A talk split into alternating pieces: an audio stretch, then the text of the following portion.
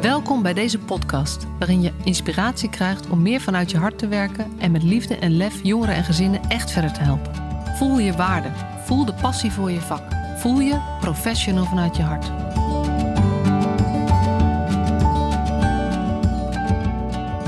Leuk dat je weer luistert naar een nieuwe aflevering van de Professional vanuit je hart podcast. En vandaag met een um, hele bijzondere gast, namelijk um, een van de drie winnaars van de uh, Hart en Huis Award 2024. Het Vergeten Kind reikt ieder jaar Hart en Huis Awards uit. En dat zijn eigenlijk, uh, ja, prijzen is een beetje een, een, verkeerd woord, maar wel een award, een erkenning voor um, hulpverleners die uh, in de beleving, in de ogen van kinderen, jongeren, ouders um, iets extra's doen en um, ook veel van betekenis zijn. En dit jaar waren er drie regio's regio Noord, regio Midden, regio Zuid. En vandaag is uh, de winnaar van regio Zuid bij mij te gast, John Nabbe. Ik weet niet, John of John? John. John. Ja. John Nabbe dus, uh, bij deze al. S-J-O-N noem ik hem zelf altijd. S-J-O-N, ja, ja, precies. Nou, dat is John. Um, en um, hij is uh, hoofdbewoner bij, uh, bij de combinatie jeugdzorg. En dat is uh, ja, de officiële term of beschrijving zou kunnen zijn inwonend groepsbegeleider. Maar ehm, hij noemt het zelf veel liever hoofdbewoner en hij gaat daar zo meteen ons ook alles over vertellen. Dus welkom, John. Ja, dankjewel. Ja, hey, en de eerste vraag die iedereen krijgt: Ben jij een professional vanuit je hart? Nou, daar hadden wij het hier net over. Want dat is ook een beetje zo op een randje. Hè? Wat is vanuit je hart? Mensen komen bij ons om hulp te krijgen bij de dingen die hun uh, zoeken of tegenkomen. Uh, en vanuit je hart kan ook net dat randje overgaan dat je niet meer aan het hulp verlenen bent, maar dat je gezellig uh, zit te kletsen bij het zover van alles en je hoopt dat ze er iets uithalen. Ik ben wel een hulpverlener die heel betrokken is. Ja. Zo gauw mensen bij ons binnenkomen of zo gauw ik in een traject, hulpverleningstraject terechtkom, dan ga ik een relatie aan met diegene en zijn omgeving voor een bepaalde tijd. En dat betekent niks anders dan dat ik oprecht nieuwsgierig ben, uh, inderdaad betrokken bij, um, dat ik de ander hoor, zie, luister.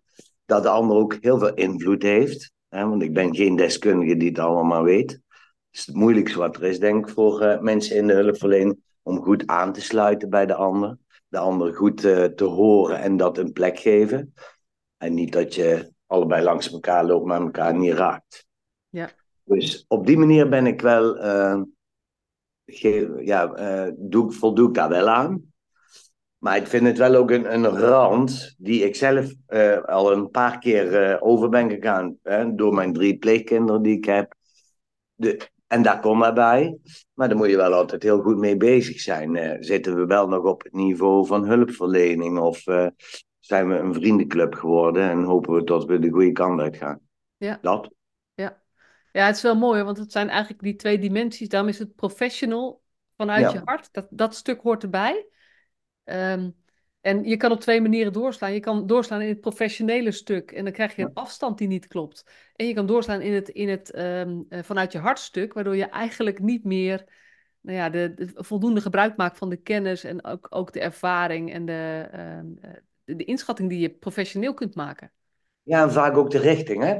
Ja. Uh, een goede hulpverlening bepaalt ook de richting. zoekt ook naar de uitdagingen, zodat je verder komt. ja.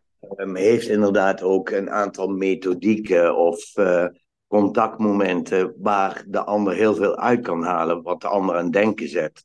Ja. Noem maar op. Um, en dat, dat is ook heel belangrijk. Ja.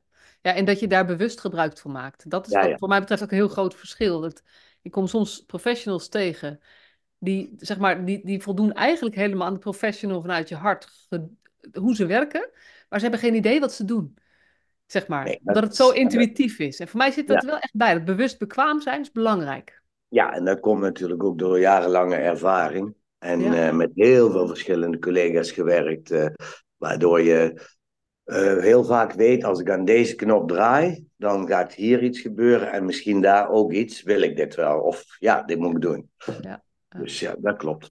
Ja. ja, want je bent geen 25 meer. Je hebt al een paar jaar, je hebt meer dan 25 jaar werkervaring, gok ja, ik zomaar. Dus ik ben 26. Je bent 26, oké. Okay, dan ben je vroeg ik, heb, uh, ik heb net mijn laatste registratie voor het SKJ, de beroepsgroep. Um, want ik wou, of ik moest nog uh, voor mij registreren, herregistreren en dat heb ik gedaan. En toen dacht ik, hey, dit is de laatste keer. Want ik, daarna doe ik het niet meer. Dan ben ik nog geen 67, maar dan ben ik 66 volgens mij. Even kijken, ja. Dan ben ik bijna 66 en ik heb mij voorgenomen, en dat moet ik natuurlijk nog waarmaken, dat ik uh, ruimschoots voor mijn 67 ophoud met het werk. Niet dat ik dan uh, uh, niet meer naar mensen luister, want dat zit een beetje in me. Maar wel dat ik, ehm, dat ik ook een andere weg nog wil bewandelen. Want ik wil heel graag door Europa met mijn man trekken. En dan een paar, paar maanden in Lissabon wonen of een paar maanden in Keulen, maakt niet zoveel uit. Maar gewoon een beetje nomade, maar dan wel met uh, de waarborg dat ik een salaris heb. Zodat ik niet overal weer hoef te gaan werken. Ja, ja, ja. Ja, en um, ja, in, in die jaren um, uh, kan je eens iets vertellen? Want uh, wat je nu doet, maar ook hoe, hoe jouw route is geweest dat je bent gekomen waar je nu zit. Ja, nou dan gaan we nu het uur vol lullen. Maar uh, ik ben eigenlijk, uh, ik ben geboren in Valkenburg aan de Geul. En mijn ouders die hadden een hotel.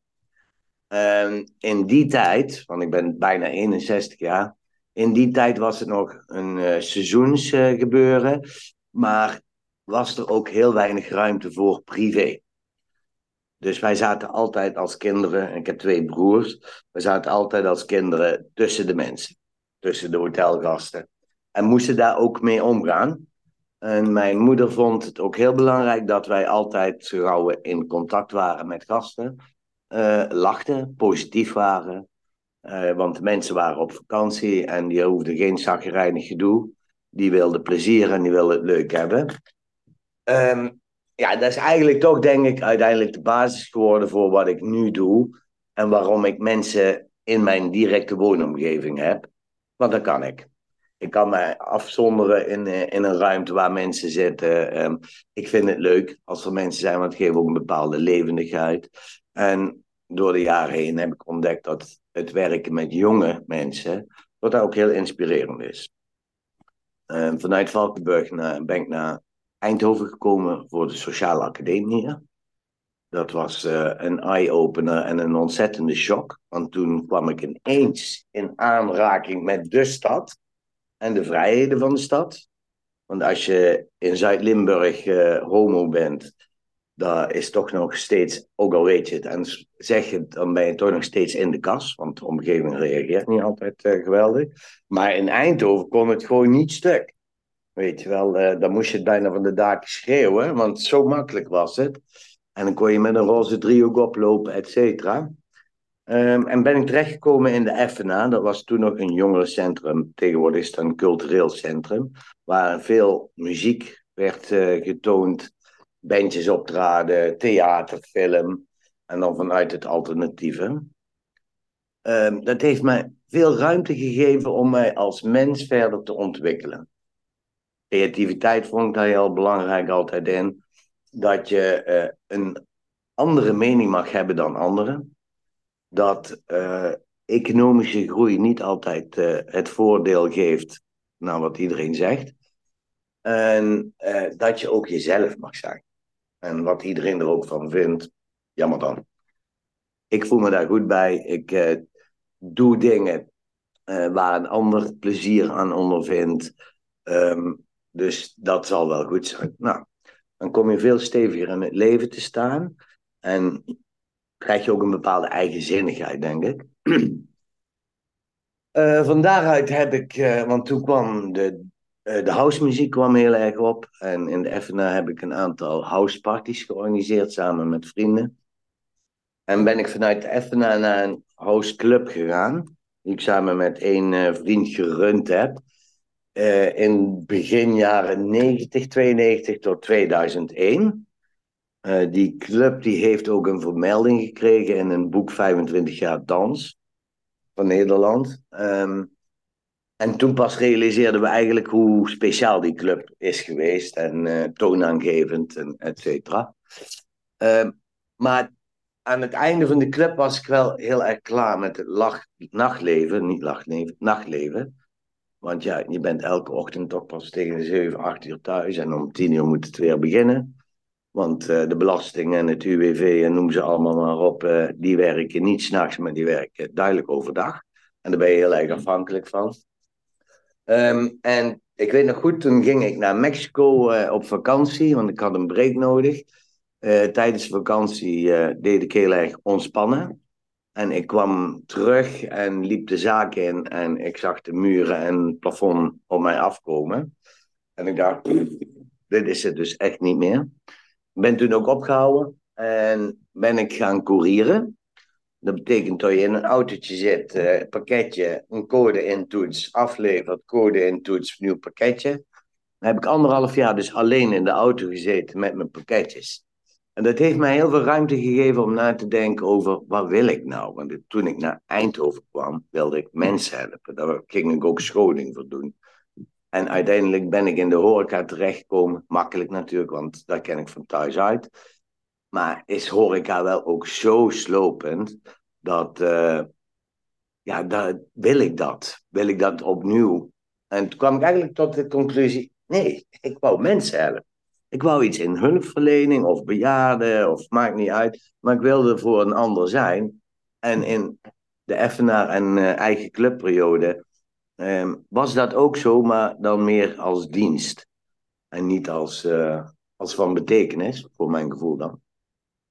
Toen heb ik een open sollicitatie bij combinatie jeugdzorg, zoals het nu heet. Toen heette het de Sprankel. En uh, die, mijn eerste baas en gedragswetenschapper, die hebben toen heel lang met mij in gesprek gehad. Omdat ik dus ook een punkverleden heb. En ze wilden niet hebben dat ik uh, als anarchistische groepsleiding jongeren beïnvloedde. Van, ah, laat ze toch stikken. Doe gewoon wat je zelf wil. Dus ze wilden wel hebben dat ik echt pedagogische inzet zou uh, leveren. En mensen volgens een bepaalde methodiek en volgens bepaalde regels verder zou helpen. En ben ik door mijn baasje zei, ja, ik weet waar ik jou wil hebben. Ik wil je hebben op een seksspecifieke groep, dus een meidengroep. Met uh, veel problematiek rondom verwaarlozing, misbruik. Um, en mijn opdracht was dan om een, zodat ze een man tegen konden komen die oké was. En meiden hebben heel veel ervaring met uh, foute rolmodellen, et cetera. En um, dat lag mij wel. Uh, ik heb daar ook het werk geleerd, want ik, ik had nog nooit op een leefgroep, behandelgroep gewerkt. Nog niet eens echt in de hulpverlening, dus uh, ik moest alles leren van nul. Ik heb daar ook heel veel tijd voor gekregen, want als je dat tegenwoordig kijkt, nieuwe collega's binnen no time moeten ze meedoen. En um, na een paar jaar, even kijken, 2000, 2004, toen zag ik op tv een film of een documentaire, weet ik niet zeker, maar dat ging over jongeren in Amerika die dan uh, zeg maar uit pleeggezinnen of uit hulpverlening komen. En dat gaat niet goed. En die worden dan in een soort uh, opvoedingskamp geduwd. Nou, dat zijn gewoon van die overlevingskampen waar volgens mij niemand goed uitkomt. Want het enige wat je moet doen is zorgen dat je niet uh, of verkracht wordt of bestolen wordt of vermoord wordt. En toen dacht ik, nou, dus wel dadelijk tot er jongeren zijn die uh, op deze manier moeten leven en dan ook nog moeten bedenken, ooit komt het goed.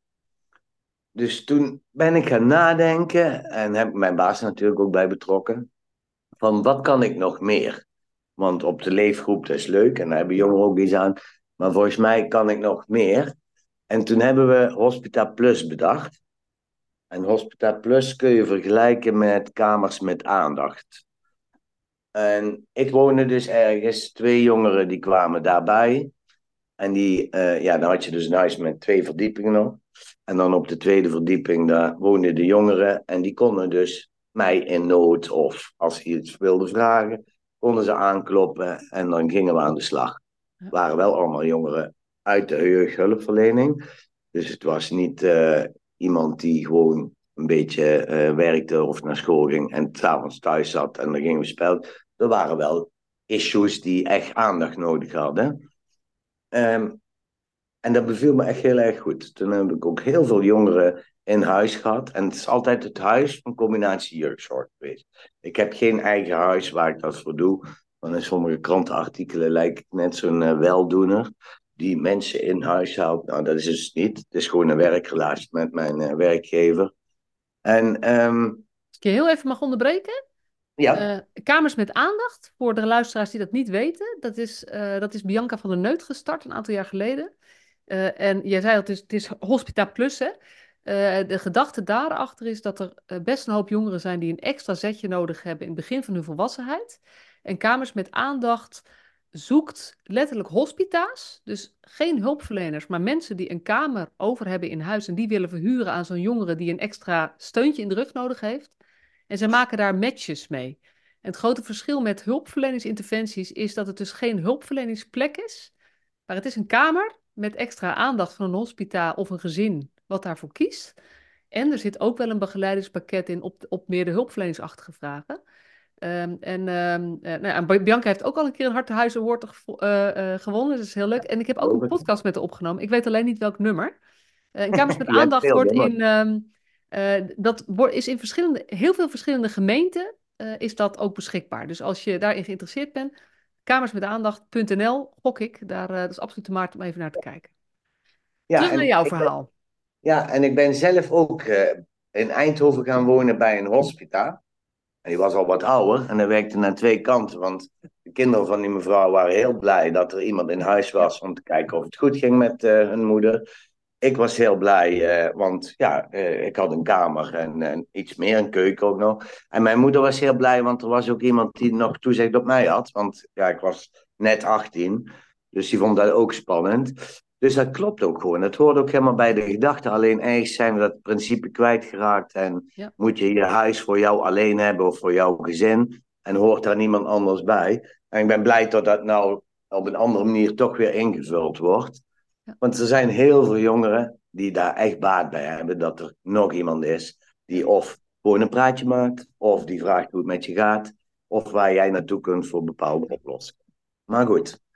Um, inmiddels waren we um, ehm, 13 jaar onderweg. En um, participatie, waar we het straks dan ook nog over hebben, want dat loopt eigenlijk er langs. Daar had ik een aantal uren voor en dat werd gehalveerd door de transitie naar de gemeente. Um, dus mijn uren werden gehalveerd, want we moesten ons meer gaan bezighouden met directe hulpverlening, het primaire proces. En toen had ik zoiets, ja, het is allemaal leuk, maar uh, ik wil gewoon uh, wel mijn ding blijven doen. En nu word ik eigenlijk een beetje voorgeschreven vanuit uh, de gemeente, waar nog geld voor is en niet. Dus dan raakt daar toch het gedachtegoed of de visie die je hebt rondom participatie in dit geval. Dus toen ben ik gaan nadenken en heb ik met een collega gedragswetenschapper hebben eigenlijk uh, um, deze formule bedacht. Een behandelgroep met iemand die er woont een vast gezicht, een hoofdbewoner. En dat was ik dan natuurlijk. Want ik had dat zelf bedacht en uh, het, het, leek me gewoon geweldig. Ik had ook al gelijk het huis uh, in mijn hoofd, welk huis dat moest zijn. Want het huis hebben ze al lang en die hebben meerdere hulpverleningsvormingen gezeten. En ik wist dat er twee huizen langs elkaar waren, die op de een of andere manier verbonden waren. Waardoor ik toch een stukje privé heb. Want ik heb een huiskamer en ik heb een slaapkamer. Maar ik kan wel door het, door het hele huis heen lopen makkelijk. Waardoor, ik heel, waardoor we het contact hebben. Eh, jongeren hebben aan die kant ook een, eh, een douche en een wc. Dus je komt ze sowieso tegen. En op zolder wonen ook twee jongeren. Dus het was eigenlijk heel erg verweven met toch een plekje voor mij en mijn man inmiddels. Want mijn man is gelijk aan het begin hier meekomen wonen. Omdat ik tegen hem zei van ja, als je nou niet meegaat en je komt anderhalf jaar later, je wordt knettergek, je snapt er helemaal niks van. En als je nou meegaat, groei je gewoon met mij in, in het geheel. En heb je ook invloed op, nou, dit vind ik eh, minder prettig en dit vind ik kei leuk. Uh, en voor hem zit het leuke vaak in maaltijden maken en uh, gewoon een klasje pestje houden. Dus toen in 2017, want toen merkte ik ook al het verschil met Hospita Plus, dat was binnen drie maanden geregeld. En deze formule, dat moest over alle directies schrijven. Iedereen moest er zijn plasje over doen. Dus dat heeft anderhalf jaar geduurd eer ik het via had. Ga maar doen. Ehm, ik ben ze daar nog steeds natuurlijk dankbaar voor, want hun hebben natuurlijk ook een heel erg groot vertrouwen in mij gehad. Hè? Want ik woon met jongeren samen. Uh, net zo goed ik kwetsbaar ben in dat er dingen kunnen ontstaan die je niet wil, uh, heeft de uh, stichting, de werkgever, die verantwoordelijkheid natuurlijk ook. Nou, ik woon al langer samen met jongeren, dus daar, daar konden ze wel plaatsen. En zijn we eigenlijk begonnen met drie gezinstrajecten. Dus dan logeerden jongeren hier. En ze woonden wel thuis, volgens het principe. En werkte er naartoe om, met, om de jongeren weer terug in het gezinssysteem te krijgen. En toen ze samen um, hun dingen verder konden oplossen, zonder inmenging van hulpverlening. En twee zelfstandigheidstrajecten. Dus dat waren jongeren die misschien wel nog een netwerk hadden, maar gewoon niet meer naar huis konden. En die moesten dus richting zelfstandigheid. En ja, dat principe is eigenlijk door de jaren heen een beetje veranderd, omdat uh, geld in de hulpverlening steeds belangrijker wordt, uh, de problematiek steeds groter wordt, waardoor je dus bijna niet meer gezinstrajecten bij ons hebt, maar bij de gemeente zelf of bij ambulante hulpverleners of de verschillende methodische hulpverlening. En hier wordt het langzamerhand steeds meer de zelfstandigheidskant. Dus daar zijn we nou in. En ik weet niet hoe het zich verder gaat ontwikkelen. En, hè, want um, eerst kon je heel makkelijk uitleggen van ik wil dit bereiken met mijn hulpverlening. En ik heb graag dit effect op uh, jongeren. Maar nu gaat het toch vaker erom, hoe moet ik het verkopen aan de gemeente? En wat is het voordeel dat een gemeente eruit haalt, financieel, als wij dit zo doen? Dus het, het, belang van cliënten, van jongeren, van ouders is er wel, maar op een ja, heel ander niveau. En af en toe vind ik dat heel erg moeilijk.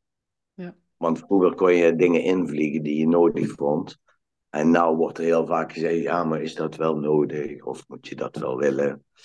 En dan ben ik gelukkig eigenzinnig genoeg. En ook al, omdat ik zo lang voor, uh, voor de organisatie werk, dat ik de overtuigingskracht heb om het, toch het beste voor het gezin, de jongeren, boven te krijgen en te gaan doen. Samen met mijn collega's natuurlijk, want die hebben een enorme invloed ook. Want ik kan dit niet alleen. Weet je, zo'n hoofdta plus, dat kun je alleen. Het zijn maar twee jongeren. Uh, hun zijn al ver in hun zelfstandigheid. Uh, maar hier hebben we dus ook jongeren die helemaal niet lekker thuis gaan. Of waar het gezin helemaal niet lekker ten aanzien van de jongeren is. En ben je dus met meerdere mensen hard aan het werk. Om daar dingen in te kunnen veranderen of inzichten te creëren. Ja. Dat is. En, um, wat ik, zeg maar, waar ik me heel veel zorgen over maak, of wat ik eigenlijk heel veel zie gebeuren, is dat we, uh, dat we eigenlijk met jongeren best wel werken aan zelfstandigheid en zelfstandig wonen. En dat jongeren echt goede ontwikkelingen maken. Nou, dan komt het puntje bij paaltje. En dan is er gewoon geen woonplek te vinden. Dus dan is de, dat heeft dan niks te, niks niks te maken met, met de problematiek van de jongeren of zo, wat we natuurlijk vroeger vaak hadden. Maar dat, dat gewoon woning, woningruimte schaars is uh, en ontzettend duur. En dat dat gewoon niet realistisch meer lijkt. Hoe, hoe, hoe is dat bij jou in de regio? Of hoe, hoe gaan jullie daarmee om? Nou ja, um, Eindhoven um, en volgens mij ook uh, Veldhoven en Gelderop. En, um, hier hebben ze Stichting Door, heet dat. Stichting Door is er in het leven geroepen om jongeren met een dusdanige rugzak, die dus niet zomaar in een studentenhuis terecht kunnen of wat dan ook, eh, om die een appartementje, studio, eh, via de woningbouw te, te geven. Daar gaan ze een jaar wonen op contract van de stichting die hun helpt. En daarna klappen ze dat contract om en wordt het hun eigen woning. Er zijn natuurlijk maar een aantal woningen. Het is niet zo dat iedere jongere dat kan. Um, dus daar kun je jongeren in kwijt. En eigenlijk hebben wij dat als uh, instelling altijd gekoppeld aan de dingen die wij doen. Dat dat een perspectief is. Dan uh, denk ik dat dat overal wel zo is. Dus ook in Eindhoven zijn de beschermd wonen trajecten en instellingen die zijn uit de grond geschoten. En dat gaat allemaal op WMO. Dus de gemeente vindt dat ook prachtig. En er zijn natuurlijk een aantal die echt voor de jongeren staan en goed helpen. Maar er zijn, ja, en dat kom je tegenwoordig ook tegen, er zijn ook ehm, constructies die veel geld aan mensen opleveren en niet altijd de juiste hulp geven. Waardoor jongeren toch ja, wel een dak boven hun hoofd hebben. En dan is het de vraag of een jongere verder komt. Want dat weet je nooit zo. Hè? Dat weet je eigenlijk pas rond je 25ste, 27ste. Dan moet je het echt zelf doen. Dan zijn je hersenen volgroeid. Dan moeten dingen een plek hebben. En je ziet toch dat er genoeg jongeren zijn die ook jeugdhulpverlening hebben genoten dat die toch dan in diepe problemen komen, waardoor ze misschien dakloos zijn of uh, aan de drugs of wat dan ook. En dan heb je daar wel weer organisaties voor die die jongeren weer oppakken en verder. Maar ik denk dat dat simpeler op te lossen zou zijn als de verlengde jeugdwet gewoon ingezet werd zoals het bedoeld is. En niet dat je op 18 jaar uh, een gesprek krijgt en dan moet je maar kijken of je ervoor in aanmerking komt en anders gaan we de WMO in. Want dan weet je gewoon ja. dat dat jongeren minder eh, hulp krijgen dan ze nodig hebben. Ja, en, en de beperking daarvan vind ik vaak ook dat ook een WMO-traject is bijvoorbeeld zes of negen maanden of een jaar. En dan heb je eigenlijk hetzelfde probleem nog. Dus, dus um, die woning, dat woningprobleem is echt zo gigantisch. Dat ik, dat ik zelf eigenlijk een beetje de lijn heb van um, een, een, deel van de jongeren um, uh, is misschien niet de eerste keuze om weer terug te gaan in het netwerk wonen. Maar van alle opties is dat eigenlijk wel de, de keuze die het meest realistisch is, zeg maar. Dus dat, je daar, dat we daar veel meer op in zouden moeten zetten. Dat we toch ja, meer zoeken naar wonen in het netwerk. Maar ja, het past niet bij wat de overheid eh, de laatste 20, 30 jaar heeft ingezet. Individu, individu en nog meer individu. Ja. Weet je wel, het draait niet meer om elkaar. Ja, dat proberen we nou weer erin te krijgen. Hebben we eerst alles losgeweekt. En dan gaan we het sturen vanuit uh, regel en wetgeving. Dat, uh, dat je moet omkijken naar een ouder. Want anders vereenzaamt hij misschien wel. Ik vind geweldige reclamespotjes die, uh, over eenzaamheid. Dat je de twee spotjes hebt. En een wordt iemand gevraagd om mee te doen. En de ander doet hij gewoon wat hij normaal doet. En is hij dus heel erg eenzaam. Maar ik denk wel dat de overheid daar ook een heel groot aandeel in heeft. Ik, eh, ik zie vaak spotjes op tv over dat het zo fijn is dat je als ouder alleen nog woont. Nou, ik heb een moeder van 93. Het was één grote ellende. Ja. Want de mens vereenzaamde, uh, kon steeds moeilijker lopen en ze had wel een trap voor haar huis. En iedereen bleef maar zeggen dat het toch geweldig was dat ze op zichzelf kon wonen. Ja, bullshit. Het is echt zo'n bullshit. Het gaat altijd om op maat. Past dat bij die persoon? En je kunt dat niet generaliseren. En zolang je inderdaad je man nog hebt of vriend, hè, dan, dan is dat e-, vereenzaming al een stuk minder. Maar als je gauw een van de partners wegvalt, dan is het uh, niet leuk. Zoals mijn moeder het omschrijft. Ja. ja, en dat is bij ouderen is dat absoluut de issue. Maar ik vind het bij jongeren, uh, ik weet dat ik heel veel jongeren die uit de jeugdzorg komen en dan uiteindelijk een deel die het wel lukt om een kamer te vinden, dat als je altijd op groepen gewoond hebt, of lang op groepen gewoond hebt, dat je helemaal niet gewend bent om om te gaan met het feit dat er geen mensen beschikbaar zijn. Dus dat die overgang naar zelfstandig wonen ook gigantisch is en dat daar ook heel veel eenzaamheid speelt. Nou ja, de, de, wij merken dat hier ook, hè, want jongeren zijn ook, als ze richting zelfstandigheid gaan, proberen wij hier heel erg jongeren te wijzen op dat je niet meer deel bent van de groep. Zodat je gaat werken aan je eigen netwerk. Want je hebt gewoon mensen om je heen nodig.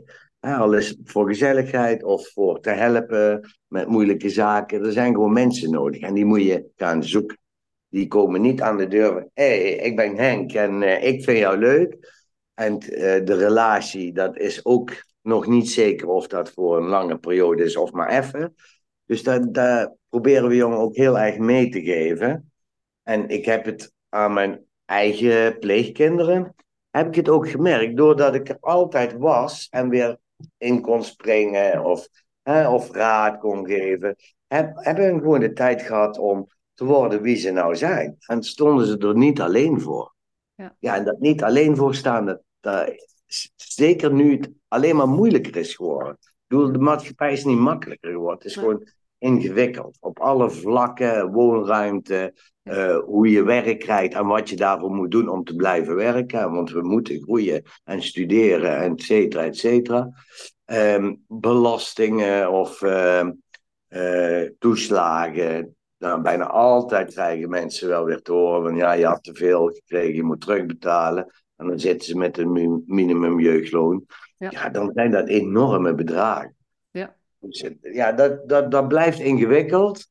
Ehm, maar ik wil daar ook niet negatief van worden. Want de jongeren die, die wij hier spreken, die hier bijvoorbeeld gezeten hebben of binnen onze instelling, er zijn er ook genoeg van die zeggen, nou dankjewel.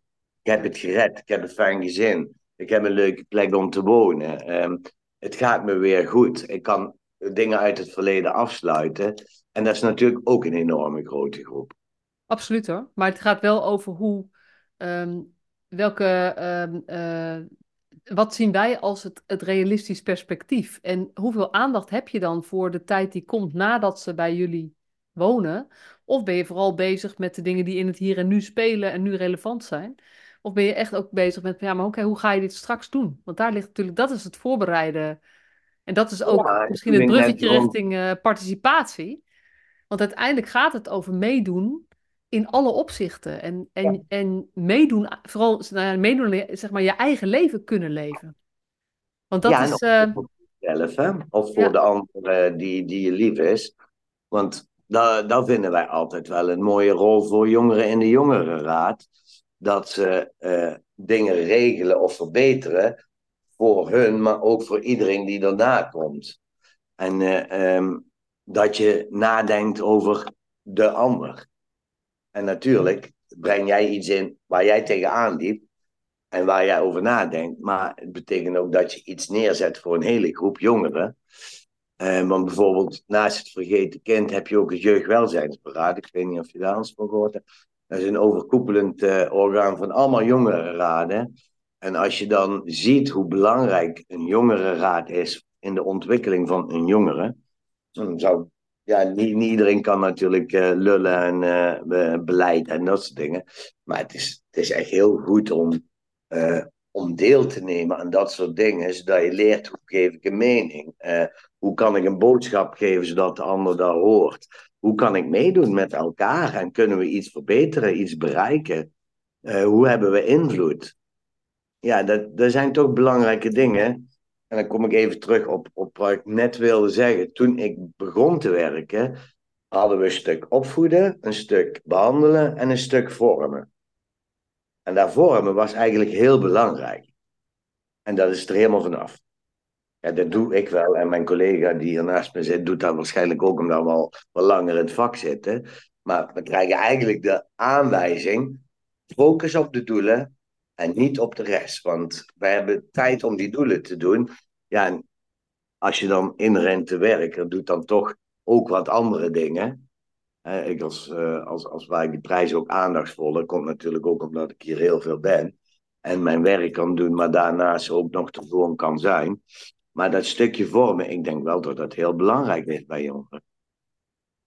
Ja. En dat uh, is toch een beetje naar de achtergrond allemaal geschoven. Ja, en eigenlijk is het behandeldeel is het belangrijkste geworden. Want ook opvoeden, gewoon, gewoon het uh, groot mogen worden met vallen en opstaan. En dat daar een beetje uh, volwassen begeleiding bij. Ja. Uh, dat is toch iets anders dan, dan wat we vaak doen op groepen. Waar het echt gaat over je moet wel je aan de doelen houden en aan de regels houden. Ja. Opvoeden is veel meer dan dat, zeg maar. En, ja. ja, en, en weet je, regels, dat is ook zo'n ding je hebt dan regels om, om hè, dan heb je de touwtjes in handen en dan kun je een groep van acht kinderen, zes kinderen, tien kinderen, kun je wat makkelijker door de dag heen krijgen. Maar um, regels is ook heel belemmerend in je ontwikkeling. Weet je, want het is juist goed om te leren dat je, uh, als je om vier uur uh, nog allemaal flinke boterhammen gaat eten, dat je dan weet dat je om half zes geen honger meer hebt. Dat je dat ervaart. En niet dat je een regel hebt, het mag niet, want. Want dan weet je niet ja. waarom dat niet meer. Ik heb nu toch honger. Ja. Uh, dag- en nachtritme. En dat moet je ervaren. En misschien tot je er dan wel achter komt, dat je in ploegendienst het beste functioneert. Ja. Hè, dat ligt mij, dat vind ik leuk. Uh, allemaal, allemaal dat soort dingen. En ik begrijp dat er regels zijn. Maar ja, wat ik al in mijn uh, award te horen kreeg, hier mag je ook een tosti eten op maandag. Ja. Want we zijn daar soms ook in doorgeslagen. En dat heeft heel vaak met beheersen te maken. Ja, ja, en wat, ja. ja. wat de problematiek betreft, um, ik wil wel altijd uh, uh, jongeren hebben waar ik ook echt iets mee kan. En als ik aan het begin al denk van ja, waar gaan we heen? Ik zou het niet weten. Maar goed, hè, uh, het bedrijf moet ook doorgaan. Ja, dat vind ik toch heel moeilijk. Want mijn doel is hulp verlenen en iets, iets te bereiken met een jongere en zijn gezin. En of ik dat doe of mijn collega's dat doen, dat maakt niet uit. Maar tot er wel een vooruitgang in komt.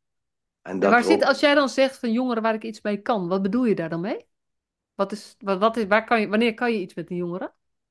Nou ja, ik denk dat door de laatste, moet ik even denken, 2015 tot 2023, de jongeren die op een behandelgroep terechtkomen, een dusdanige problematiek hebben, dat er ook echt jongeren tussen zitten. Dat je denkt, ja, ik weet het niet, maar ik weet ook niet of het ons gaat lukken.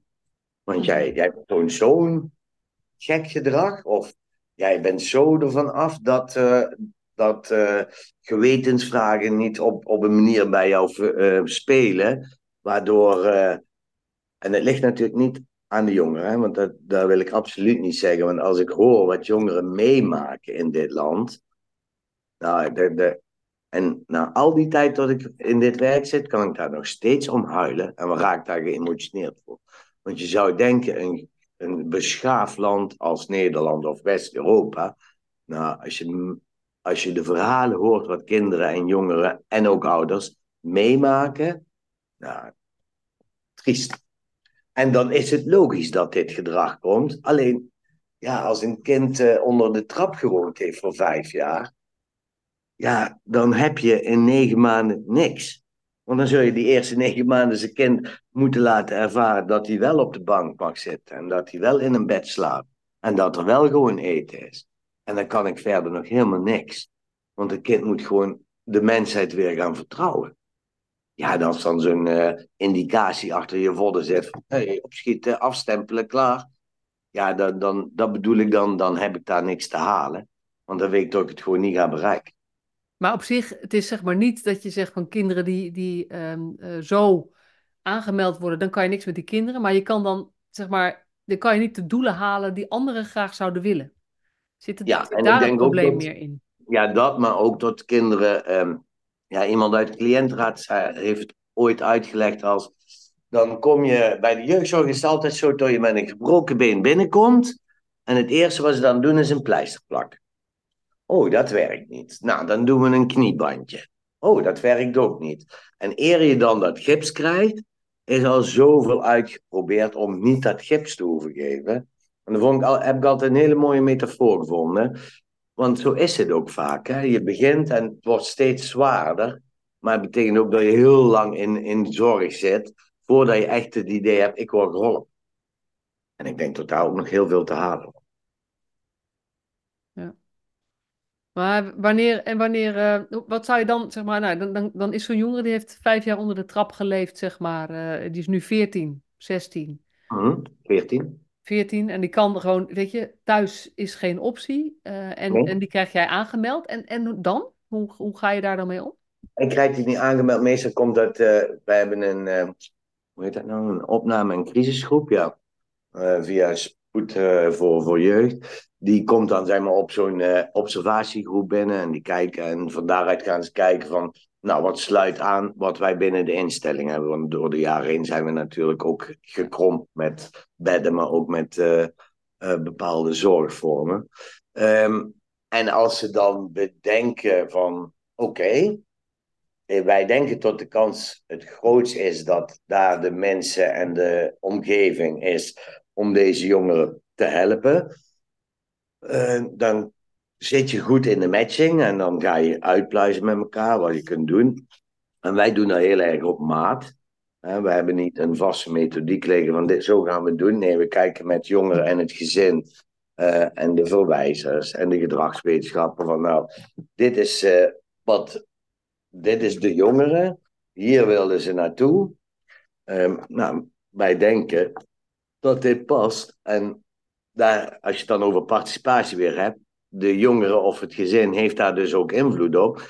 Want ja, ik kan van alles willen, maar als hun zeggen, ja, maar dat hebben we al geprobeerd, ja, dat hebben we al gedaan.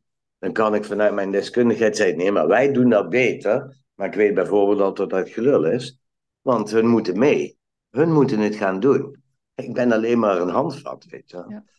Dus uh, ja, uh, en dan ga je aan de slag. En um, de effecten van wat jij doet of wat jij kunt, die zijn al best snel zichtbaar. Nou, dan heb je dus een baas van vertrouwen. En van daaruit kun je het dan uit, uitweiden. En als je op het goede spoor zit, dan, mensen, dan, vind ik ook wel eerlijk gezegd, dan krijgen we ook wel verlenging. En zo van, nou, jullie zitten op het goede spoor, het gaat goed, of er is meer nodig. En dan krijg je die verlenging wel. Alleen je moet er ontzettend veel uh, voor doen. Ja. Weet het, het is niet zomaar van, ja, nee, oh ja, nee, wij geloven jullie op je blauwe ogen, want jullie zijn de professionals. Weet je, dus uh, wij gaan mee. Ja. Door een enorme bureaucratie. Ja. En dan ben ik al blij dat wij dat moeten doen. En niet de jongeren en de ouders zelf. Maar die zouden er gewoon niet doorheen komen, denk ik. Dus je zegt eigenlijk, weet je, je moet zelf het gevoel hebben van, hé, hey, deze jongeren, deze ouders, daar, daar, daar, voel ik, daar voel ik iets bij, daar, daar is een soort van klik. Ja, dat is, uh, dat is, dat is eigenlijk het belangrijkste. Het gaat niet zozeer over wat voor problematiek heeft hij, maar het gaat eigenlijk veel meer over, hey joh, um, ja, denk, denk problematiek ook wel een stuk. Hè? Want je ziet tegenwoordig veel meer jongeren met een mentale, uh, mentaal gezondheidsprobleem. Uh, dat is ingewikkeld. Daar heb je de, een, een uh, geestelijke gezondheidsinstelling voor nodig. Die dat stuk mee begeleidt. Nou, als daar al een enorme wachtlijst van vijf maanden op zit, dan loop je al uit de pas. Maar goed, hè, wij, wij kunnen wel jongeren op een bepaalde manier helpen. Maar wij hebben daar wel ook andere professionals bij nodig. En een van de doelstellingen in 2015 was ontschotten. Ja. Dus dat je makkelijk eh, om een jongere of om een cliënt heen kon gaan met de diverse disciplines en dan tegelijk optrekken. En dat is nog steeds niet gelukt. Nee, het is alleen maar. andersom, hè, als iemand bij, bij, bij een geestelijke gezondheidsinstelling al een traject loopt en de kom dan bij ons, dan kun je heel goed samen optrekken. Maar als je ontdekt van nou, een jongere heeft dat ook nodig en je moet dan, ja, dan zit er een enorme wachtlijst. En, dus dat, ja, dat, dat is echt nog wel een ding dat, dat ik denk dat verbeterd kan worden. Ja. Ja, ja en, en dan zijn er ook jongeren natuurlijk die heel erg afhankelijk blijven. Ja. ja. En dan gun je ze een maatje of hè, er zijn ook heel verschillende dingen die, die oprecht meegroeit. Ja, en je hebt de award gekregen voor de voor, uh, uh, meest aandachtvolle hulpverlener van uh, Regio Zuid. Ja. Um, en waarom heb jij nou die award gekregen? Want er zit een jury. Dat, die verkiezing gaat zo dat mensen kunnen je nomineren. Je bent toch heel veel mensen genomineerd, volgens mij, hè? Ja, vooral door collega's en, um, en ik geloof ook een paar jongeren. Ja. Um, een heleboel mensen uh, uit de hulpverlening, maar ook vanuit participatie en zo, die hebben het uh, ook ondersteund. Hè, door laten voor wauw, ja, en je verdient het. Dus die hadden wel gelijk een beetje in de gaten waarom het ging.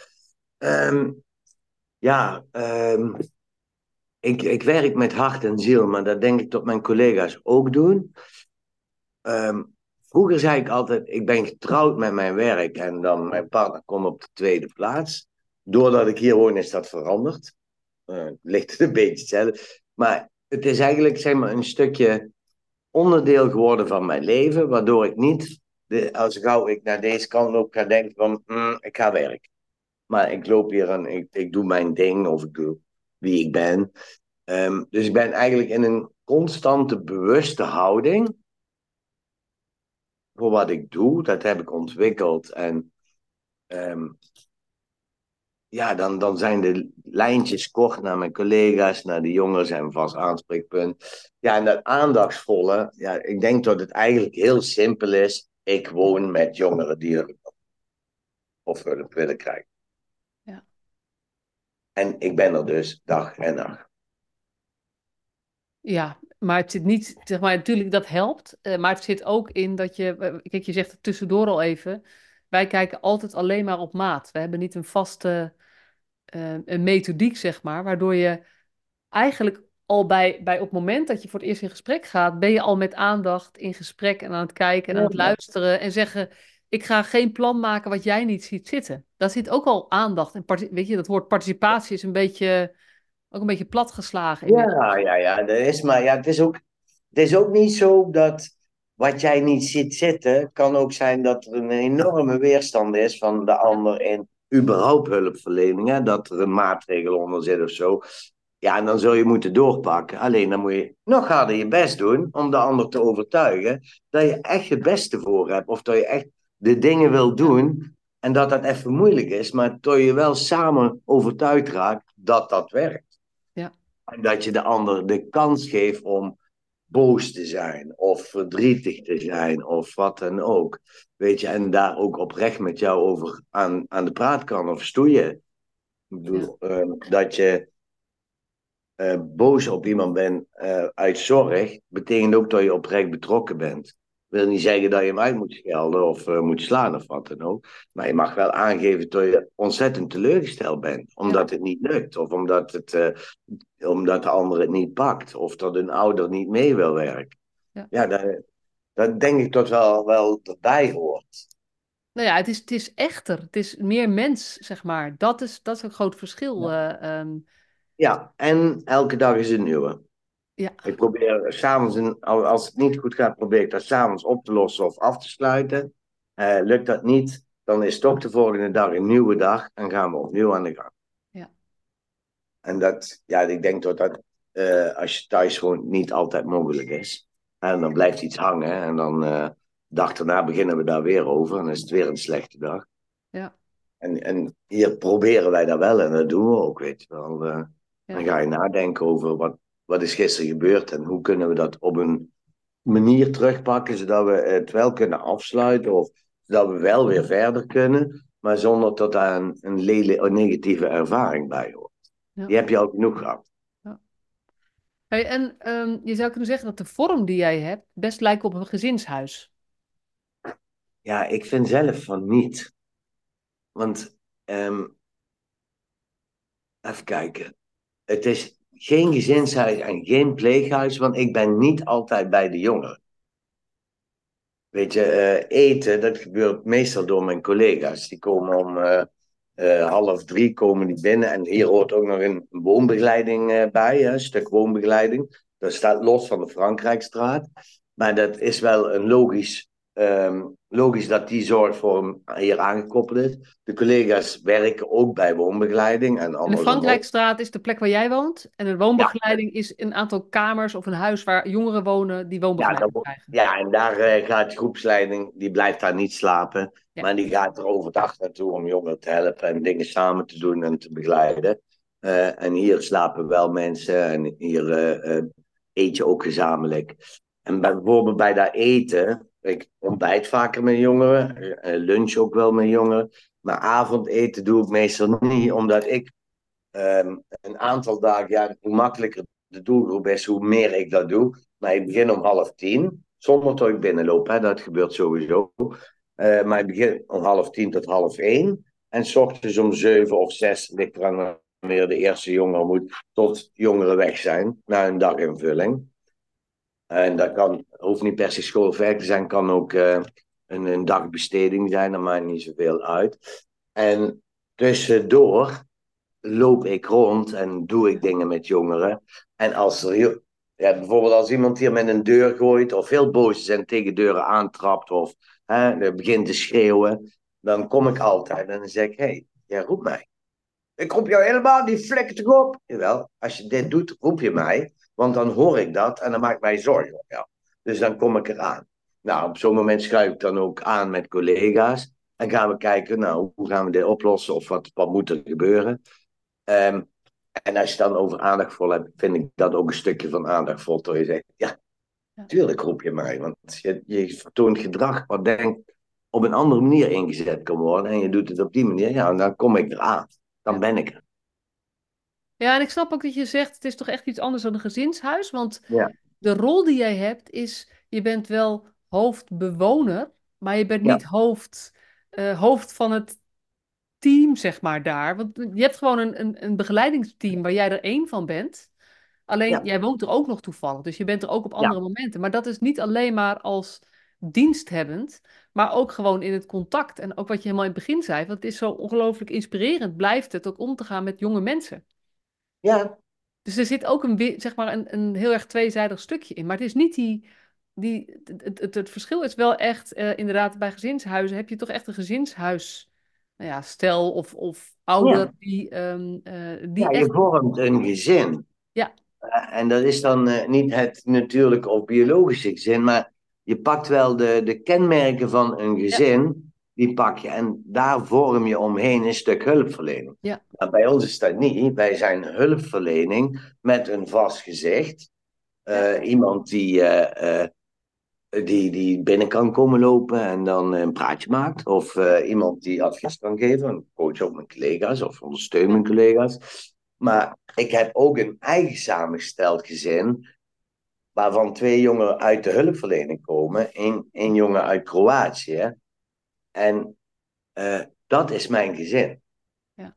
En die lopen hier ook binnen hoor. De- want die maken natuurlijk niet uit. Maar die zijn het ook een hulpverlening. gewend. Dus die lopen hier net zo goed. En we hebben een hondje hier rondlopen van een jongen uit Kroatië. Die, eh, die hier altijd rondschouwt. Want die eh, vindt het leuk. Oh, kinderen die aandacht geven. Nou, dus het hondje is dan ook hier. Maar het, eh, nee, je bent geen pleeggezin. Ik zou het ook niet willen. 24, ik ben- ja, ik zeg, dat is heel raar. Maar ik ben wel 24 uur met jongeren in een huis. Maar ik zou niet 24 uur verantwoordelijk voor jongeren willen zijn. Nee, precies, die, die, die vrijheid op een bepaalde manier, dat Ja. is het. Je wil, je wil heel veel beschikbaar zijn, je wil heel veel er zijn, en deelgenoot uitmaken, maar niet die verantwoordelijkheid hebben dat het jouw toko is, zeg maar, soort van. Ja. Dat is een beetje het verschil wat ik erin proef. Ja. Ja, Ja. we doen het met z'n allen sowieso. En eh, mijn collega's hebben een bepaalde rol en gedachtegoed. Ja. En doen ook dingen met jongeren die heel erg op de behandeling aansluiten. En ik heb een bepaalde rol en eh, gedachtegoed, wat heel erg aansluit bij er zijn. er zijn en, en, dat, en dat woord vorming wat je zei. Van, weet je, je, bent Ja. veel meer, je bent eigenlijk als mens veel meer gericht op hey, hoe kan jij je als mens ontwikkelen en hoe kan ik daaraan bijdragen? Want dat vind je ook heel leuk. In plaats van welk probleem welke problematiek is er en hoe, wat zullen we daar nou eens op inzetten?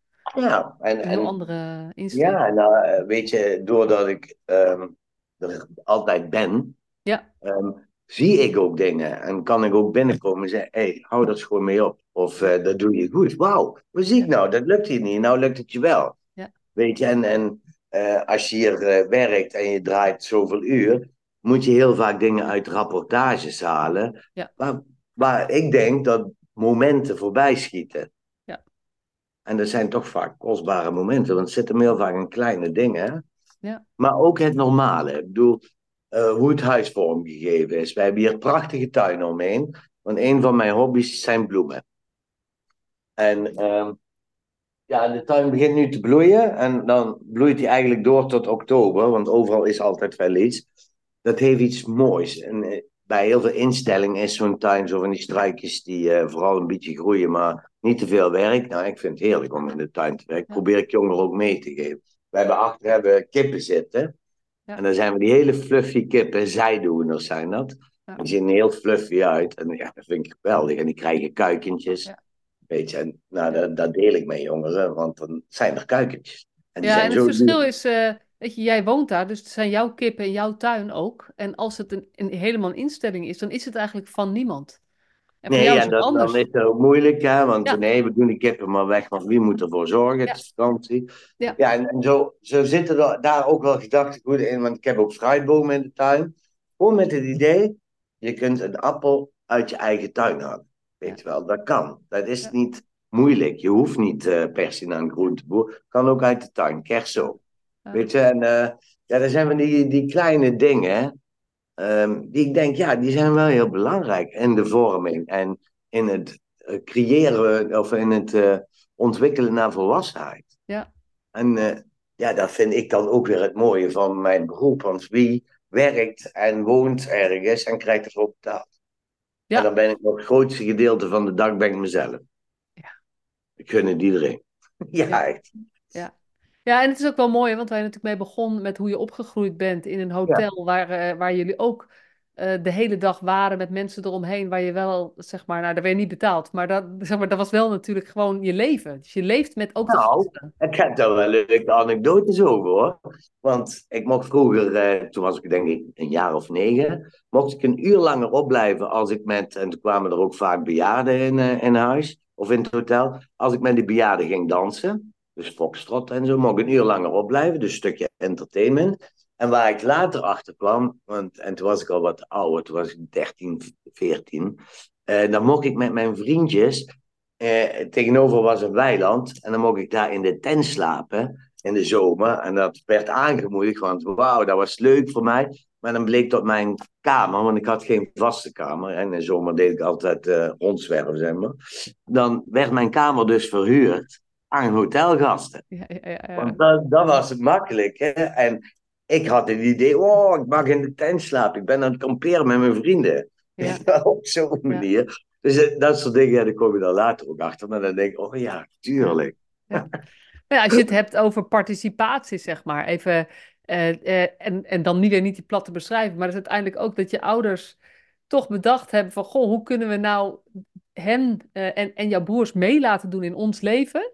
zodat het voor iedereen eigenlijk meerwaarde heeft. Dat zijn, ja. mooie voorbeelden. En daar gaat participatie natuurlijk ook een beetje over. Het gaat niet over, ja, maar we moeten nu eindelijk eens gaan luisteren naar wat zij willen. Het gaat over veel dieper, van hoe kunnen we dit samen doen? Ja, want hun hadden het gewoon, hè, zeker in de bouwvak, dat was dan, dat was zes weken, en hadden het gewoon echt heel druk en dag en nacht werken. En er waren dan ook de weken dat ik schoolvakantie had. Dus ik had elk jaar met mijn verjaardag een zwemabonnement. En dan lag ik heel dagen in het zwembad. En dat vond ik geweldig. Ja. Dus hun hadden wel goed ook voor wat ik leuk vond. Want ze hebben het ook wel eens geprobeerd toen ik met kindervakantiewerk meeging. Dat was dan anderhalve week. Nou, dat, dat was huilen. Dat vond ik afschuwelijk.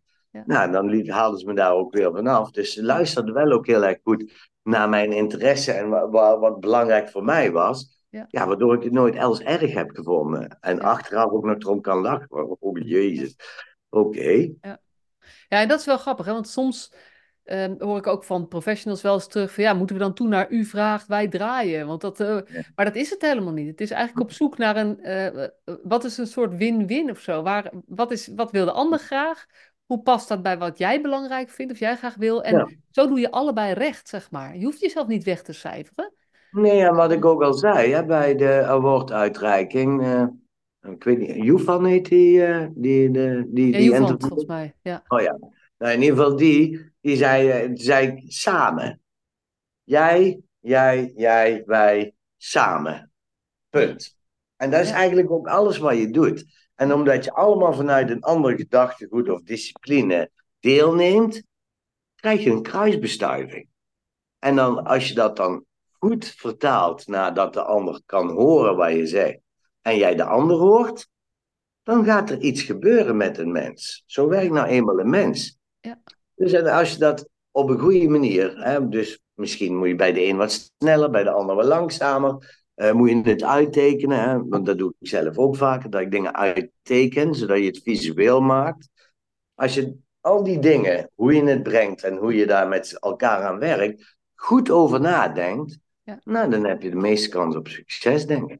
Ja, ja en, en dan moet ik wel weer denken, uh, want je begon natuurlijk over dat uh, uh, die tijd voor jou ook zo vormend is geweest in, die, in Eindhoven, in die, in die scene, zeg maar. Je zei, ja, toen heb ik geleerd om mens te zijn, zeg maar, wat dat betekent. Ja. Uiteindelijk is om goed, zeg maar, samen dingen te doen, moet je ook weten wie je zelf bent, wat je zelf wil. Dus daar komt dat thema vorming weer zo in naar voren. Dus ja. Dus dat is wat, wat, wat, we kunnen niet iets samen organiseren als je eigenlijk niet goed als, als individu weet wie je bent, wat je belangrijk vindt. En ook de sociale controle daarin. Ja. En ja. Daar, merk ik namelijk heel erg bij nu, dat in de tijd van corona, toen we avondverboden hadden en weet ik wat allemaal, ehm, dat jongeren zonder sociale controle eigenlijk de baas van de straat zijn of de baas van de nacht zijn geworden. En ik gun ze dat. En ik deed dat vroeger ook, want als het donker was, dan was het minder druk, kon je veel meer dingen doen die je zelf wilde. Maar er waren wel ook altijd mensen die jou zagen en dat tegen je ouders zeiden. Of als jij dan uh, de boel in de fik of een, uh, een uh, vuurwerk in een prullenbak deed, dan werd daar iets van gezegd. En ik denk dat dat een goed evenwicht ook schept voor jongeren om normen en waarden op een goede manier te plaatsen. En door corona en die, die verboden allemaal, denk ik dat het ja, ook bijdraagt tot er, uh, dat jongeren niet altijd meer goed weten of kunnen inschatten wat oké is en waarom dat oké is. Ja, kinderen hebben, zeg maar, nou, mensen hebben ook ruimte nodig om te ontdekken wie ze zelf zijn, wat ze zelf willen. Uh, ruimte ehm, en ook uh, richting of verbondenheid, zeg maar. Want anders dan, ja. dan met alleen maar ruimte, dat is ook geen veiligheid. En dan ga je ook, kom je ook niet tot een goede ontwikkeling. Ja, ja in Engeland uh, doen ze vaker van dat soort experimenten. Hè? Met je, we zetten 13 jongeren in een huis en laten doen en kijken of ze zonder sturing dan ook. En dat lukt dan niet, nee. want te vrij. Maar ook um, creativiteit heb ik in die tijd ook heel erg. Hè? Dingen bedenken die mooi zijn, die leuk zijn. En wat ik uh, daaruit altijd heb meegenomen, ik heb altijd gedaan wat ik leuk vind, maar dat kost me ook altijd heel veel tijd. Dus ik heb wel een 40 uur banen bij de Effenaar gehad, maar ik werkte er 80. Maar ik gaf er geen bal om, want het was allemaal zo leuk om te doen. En ik genoot er zo van. Nou, dat was bij uh, Funky Business ook. Dat was leuk om te doen. Je werkt, je was zelfstandig ondernemer, dus je werkt sowieso veel. Um, en je kreeg daar ook de waardering op. En dat is met mijn werk ook. Nou, um, ja, soms zeggen collega's, oh, je bent 24 uur per dag aan het werk. Ik zeg, nee, dat is helemaal niet. Uh, dat voelt gewoon heel anders, kan ik ook niet goed uitleggen. Maar ik werk niet 24 uur per dag. Ik heb wel 24 uur per dag mensen om mij. Ja. Maar daar kan, ik, daar kan ik aan. En uh, dus ook daar zitten veel meer uren in dan, dan werkelijk. Maar dan krijg ik zo'n hartenhuis aan boord en dan denk ik, wauw, ja. ik ben gezien ik, loop wel, ik loop wel gewoon een, een, week een halve meter boven de grond, weet je wel. Ja. En dan uh, hoe mensen erop reageren, dat had ik zelf niet verwacht. Wat ik uiteindelijk daar wel mee uit meeneem, is hoe mooi het is als je aandachtsvolle hulpverlening geeft. Want daar ervaar ik nou. Die aandacht die ik nu krijg, op alle manieren, ik, ik ga van de grond af. Ja, ja dus uh, zo simpel kan het dus zijn. Ja. En dat bevestigt heel erg dat meer mensen moeten gaan doen op die manier. Ja. Ja, nou, dankjewel voor het delen van jouw verhaal. En je, iets van je visie en je leven en, en uh, dingen. Als er nou één ding is waarvan je hoopt dat mensen het onthouden of meenemen vanuit deze podcast, wat zou dat dan zijn? Dat je enthousiast van je werk moet worden. Dat je er uren over kunt praten en bevlogen en met passie. En dat je een glimlach van hier tot Tokio op je, op je gezicht hebt als je erover praat. Ja. Want wat levert dat op? Een goed gevoel. Ik ga s'avonds naar bed toe en denk, wauw, een geweldige dag was het. Ook al was het een moeilijke dag. Dan denk ik toch, wat een geweldige dag. En anders denk ik soms, als ik mijn oogjes open doe, wow, we kunnen weer aan de slag. We gaan dingen doen. Ja. ja. Heel mooi. Hey, dankjewel John. Graag gedaan.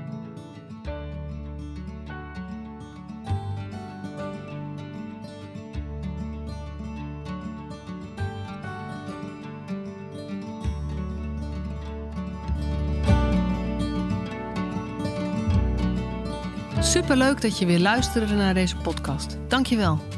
Nog even kort een paar belangrijke dingen. Ten eerste, het is mijn missie dat de jeugdhulp weer een sector wordt waarin bevlogen, liefdevolle professionals jongeren en gezinnen echt verder helpen. Daarom maak ik deze podcast voor jou. Wil jij deel uitmaken van deze beweging van Professional vanuit je hart, waarin professionals elkaar steeds opnieuw inspireren?